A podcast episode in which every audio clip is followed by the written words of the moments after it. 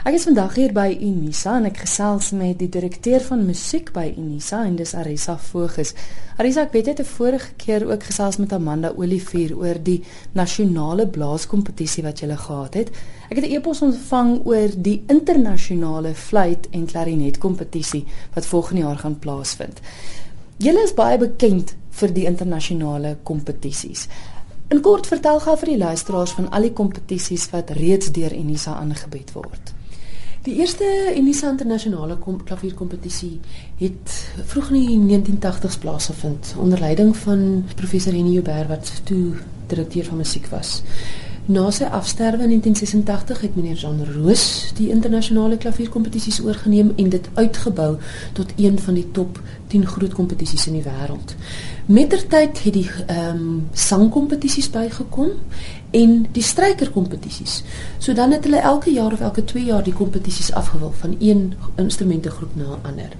Later het hulle begin om tussenin die nasionale kompetisies ook in te voer om Suid-Afrikaanse soliste die kans te gee om voor te berei die jaar voordat hulle aan die groot internasionale kompetisie by ehm um, deelneem. So hierdie jaar het ons dit nog bietjie uitgebrei in die eerste plek deur nie net 'n nasionale kompetisie nie, maar 'n Suider-Afrikaanse kompetisie aan te bied. So ons het al die kandidaate in SADC lande uitgenooi om ook in te skryf vir die kompetisie. Maar toe het ons ook die kompetisie uitgebou om dan nou hierdie jaar blaasinstrumente in te sluit.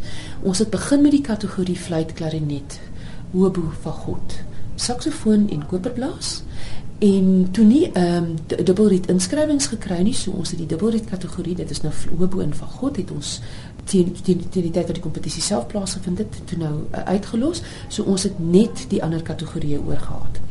Maar die volgende kompetisie is dan nou natuurlik internasionaal. Met die internasionale kompetisie het ons die kompetisie beperk net tot fluit en klarinet want as jy kyk na die groot blaas instrumentkompetisies in die wêreld, uh, spesifiek die een waarop ons onsself modelleer het, die Nielsen kompetisie, is kompetisies wat vir fluit en klarinet aangebied word. Ek was alself by die Jeunesse Musicale uh, fluit en klarinet kompetisie in Boekarest byvoorbeeld.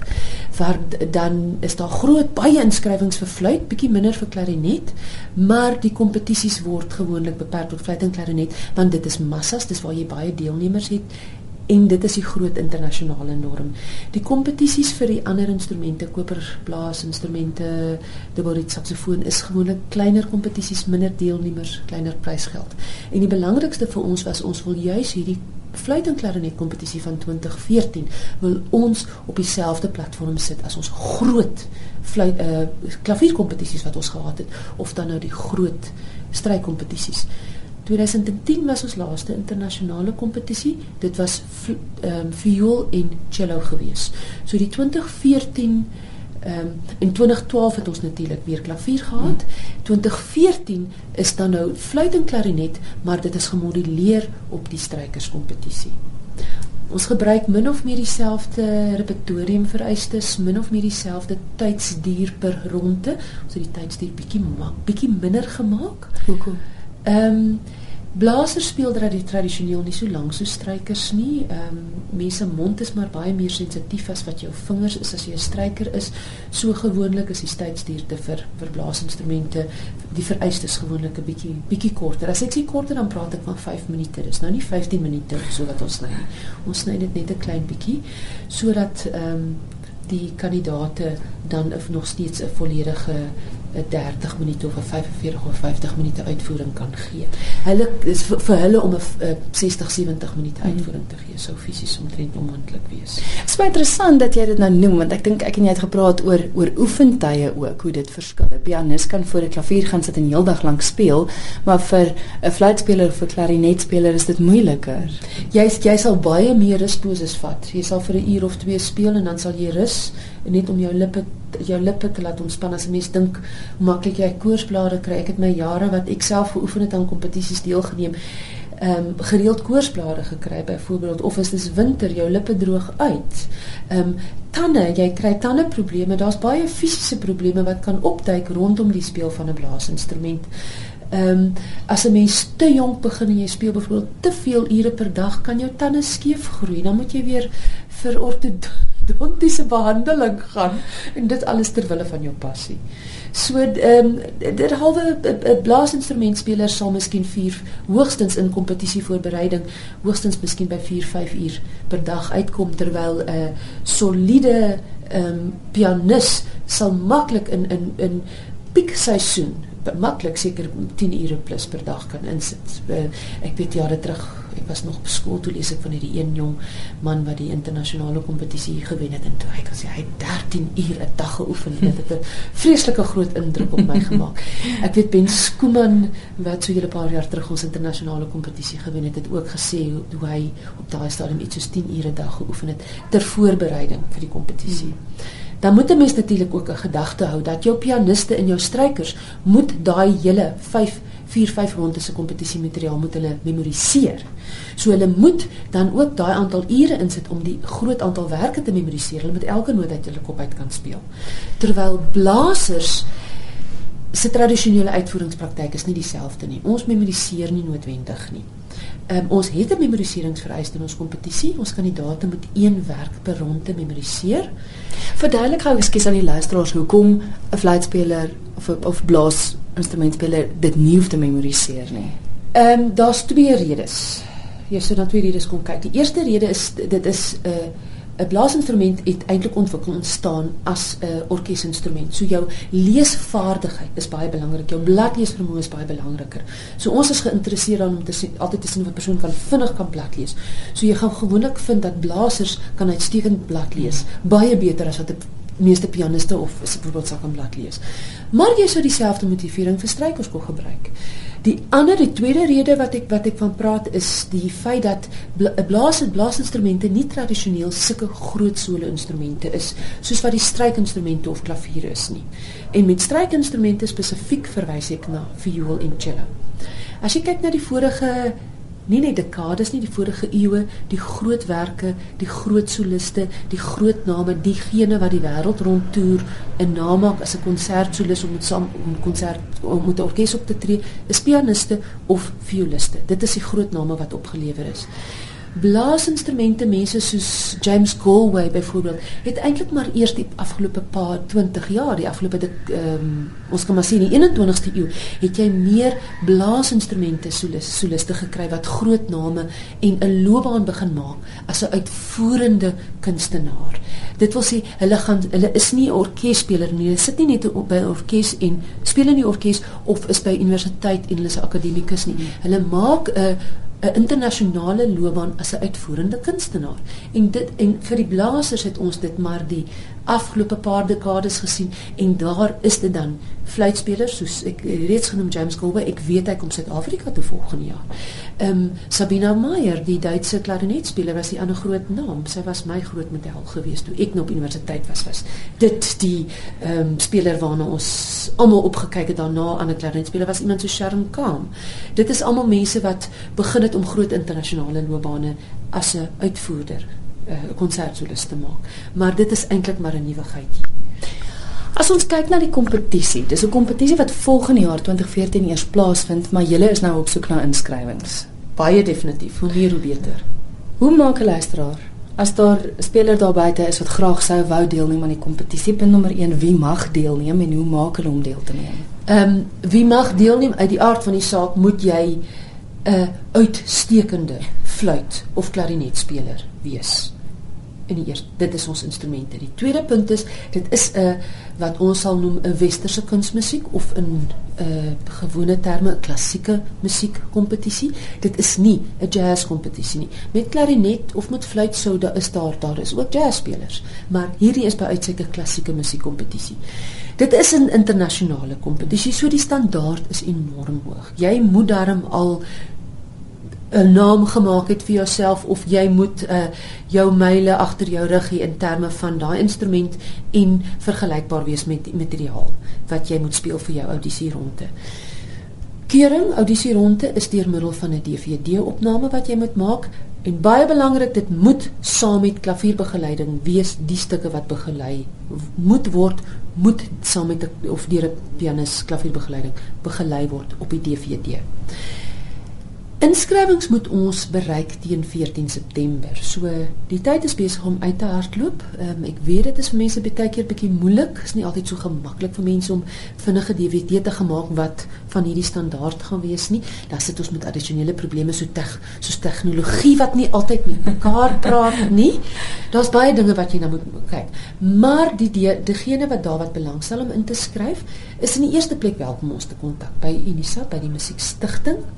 En die maklikste gaan wees as hulle direk na ons webblad toe gaan.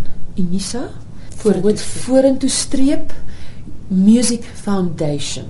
Dis unisa.ac.za vorentoe streep Music Foundation een woord. Dan sal hulle al die inligting kan kry oor die die, die repertorium vereistes vir vir die eerste seleksieronde. Ehm um, op die DVD moet die kandidaate drie werke speel.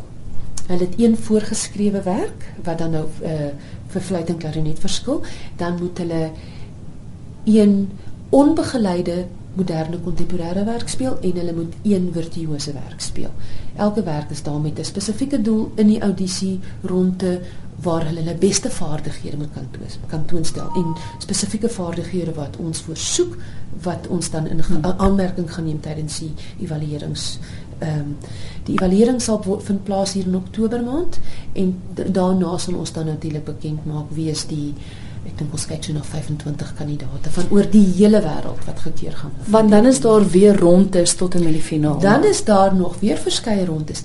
Ehm um, wat ek net gou hier wil inbring is die goeie nuus is dat die die drie Suid-Afrikaners wat finaliste was in hierdie jaar se Suid-Afrikaanse blaserskompetisie, naamlik die wenner Kobus de Tooi, ehm um, Miles Roberts, die fluitspeler wat derde gekom het, Kobus is ook 'n fluitspeler en die klarinetspeler Justin Carter wat vierde gekom het, is outomaties deur vir die internasionale kompetisie. Hulle hoef nie weer 'n audisie te doen of of 'n DVD vir ons te stuur nie. Maar alle nuwe kandidaate wat wil inskryf, het sy van Suid-Afrika of van enige plek in die wêreld, moet 'n DVD inskrywing doen. As hulle gekeer word en hulle word genooi in die kompetisie deel te neem in Februarie volgende jaar, moet hulle die eerste en die tweede ronde almal speel. Nou daar verskil ons model ook effens van die ander internasionale kompetisies. Ons voel omdat van hierdie kandidaate van baie ver af oor die hele wêreld kom, is dit baie moeite om in te sit en hulle reis baie ver om net een ronde te kom speel en dan sou ons dan sny dan moet hulle terug gaan huis toe. So ons maak die eerste twee rondes verpligtend vir al die kandidaate. Die wat ons noem die lewendige rondes. Mm. Die kompetisie se vind natuurlik by Unisa in die ZK Matthews groot saal plaas. So die eerste twee rondes ver, is verpligtend vir al die kandidaate, dan sny ons, dan sal ek nou nie die getalle voor my nie, ek praat nou op geheue, dan sal daar so seker so 12 gewoonlik wat so deur ek dink is ons streekie by tussen 10 en 12 wat dan deurgaan na die na die derde ronde toe mm -hmm. waar hulle dan 'n aansienlike langer ehm um, uitvoering moet lewer. En dan word daar 6 gekeer om aan die finale ronde uh, finale ronde deel te waar hulle dan ook konserte met die orkes te speel. En hierdie keurings per ronde is onafhanklik van die instrument. So ons maak nie 'n besluit wat ons sê daar gaan 3 fluitspelers of 3 klarinetspelers in die finaal wees. Dit werk nie so nie. Want ek wou ook vra, dis nie te sê dat of jy gaan nie 'n fluitspeler wenner en 'n klarinetspeler wen. Is 'n fluit ja. As dit kom by die eerste prys aan die einde van die dag en is groot pryse, dis 200 000 rand pryse elk. Mm -hmm. Daar is die eerste prys klarinet en 'n tweede eerste prys fluit. Mm -hmm. En dan is daar 'n derde, vierde vyfde, sesde prys. So ons kies ses wenners, ag ses semi ses finaliste, twee eerste pryse en dan 'n derde, vierde, vyfde, sesde prys. Die ander word dan ehm um, volg in volgorde geplaas. Maar nêrens kom ons op enige stadium waar ons afnê en sê byvoorbeeld daar moet 'n fluit en 'n klarinetspeler in wees. Mm, mm. Dit suiwer op meriete word hulle van volg word hulle gekeer en gaan hulle voort beweeg hulle aan van rond en na rond. Dit is suiwer op meriete onafhanklik van die instrument wat jy speel. Ouderdomsbeperking is daar een. Ouderdomsbeperking is 30 ten tye van die kompetisie. Nou weer ek as ek nou vir jou die afsny afsny geboortedatum uit my kop uit gaan probeer gee gaan vir jou jong. maar daar maar jy moet 30 wees op nog uh, nog 30 jaar of onder op die laaste dag van die kompetisie. So jy mag nie in die middel van die kompetisie vir jare 31 word nie. Maar weet jy, dis interessant as ek kyk na die ander die groot internasionale kompetisies, wel selfs ons groot uh klavierkompetisie wat ons laat verlede jaar gehad het. Die sterk deelnemers, die meeste deelnemers trek hier tussen ek sou sê tussen 24 28. Dit is wanneer mense ek dink dit met atlete werk dieselfde. Dit is wanneer mens soort van jou jou fisies en geestelik en emosioneel ek dink sterk en kragtig. Dis wanneer jy nog hy kans sien om my 13 ure dag te oefen. ek kyk daarna begeef ons gemoed vir ons.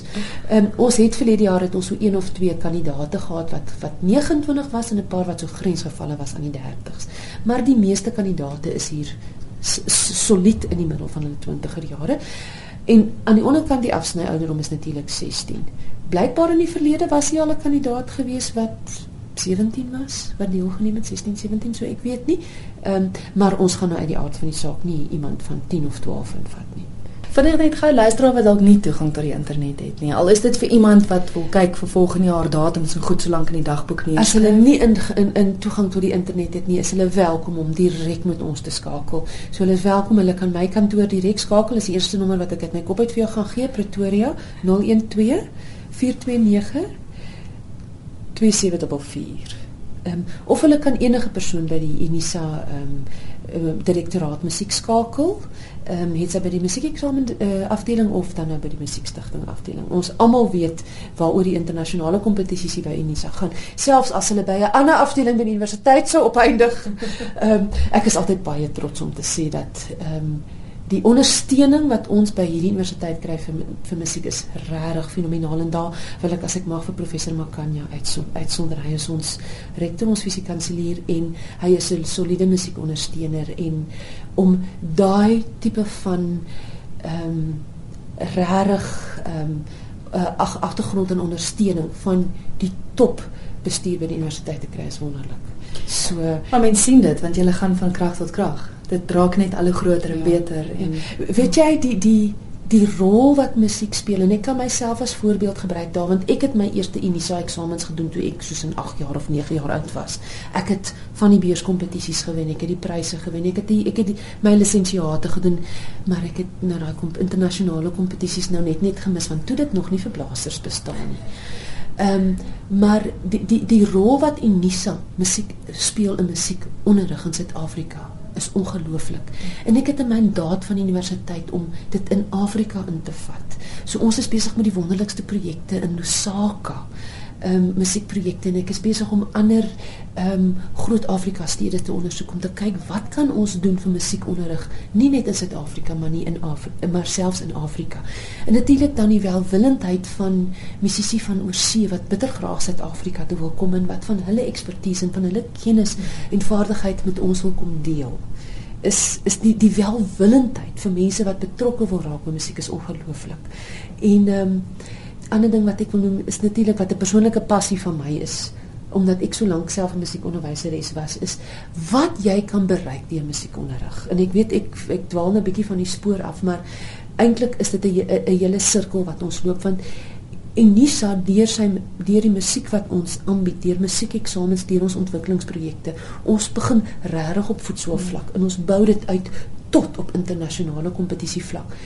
En met die hierdie eerste fluitblasers kompetisie uh, uh fluit klarinet kompetisie en dan die Suid-Afrikaanse blasers kompetisie wat ons gedoen het, is dit maar net nog 'n sprong vorentoe om daai sirkel baie groter te maak en baie meer uit te bou.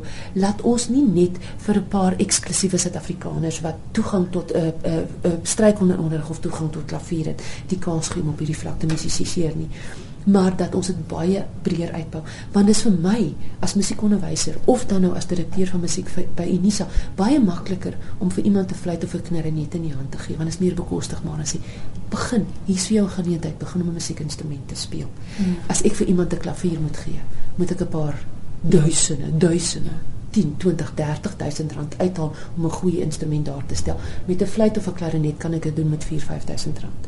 So ons projekte wat ons byvoorbeeld ook hierdie musiekstigting doen, is ook besig om uit te brei om baie meer blaasinstrumente in te sluit waar dit tradisioneel sien maar ook net stryk strykprojekte was. Ons het nou al 'n paar jaar dit begin loop met ons projekte uit te bou met ehm um, met blaasinstrumente en nou gaan ek so 'n 'n nuwe ding verklap in die volgende stap vorentoe nou natuurlik gaan wees om die internasionale kompetisies uit te bou om jazz in te sluit. Want tot op hede was ons internasionale kompetisies nog uitsluitlik klassieke westerse kunsmusiek. Ons het twee uh, vir die jaar ons jazz musiekeksamen uh, syllabusse en programme geloods. Ons het vir die jaar begin om um, jazz om musiekontwikkelingsprojekte aan te bied. Ons het 'n groot internasionale jazz skool gehad by die ons musiekeksamens divisie vir die jaar. Ons het heelwas jazz werkswinkels hierdie jaar. So die volgende logiese stap vorentoe is om internasionale jazz kompetisies aan te bied wat parallel met die klassieke musiekkompetisies sal loop 10 teen 1 in dieselfde kategorie vir dieselfde instrument soos wat ons nou sê maar 'n fluit en 'n klarinet kompetisie het kan ons volgende keer 'n internasionale jazz klavier en internasionale klavier kompetisie. Hmm. Dit sal nooit ten koste van die een wees nie. Dit sal altyd komplementerend wees. Maar die hele hoofdoel is om verteenwoordigend te wees van die gehele musiekindustrie en die hele eh, spesifiek dan nou in Suid-Afrika en in Afrika om baie meer verteenwoordigend te wees en nie so eksklusief te wees nie. So ek en jy gaan nog baie gesels. Ek hoop so. Ek is ek het waardering vir wat julle indoen en ek het baie waardering vir jou program wat julle dan ook nie net vir musiek nie maar vir die kunste doen en spesifiek dan nou hoe julle ons ondersteun in die afgelope paar weke deur ons die geleentheid te gee om met julle te praat.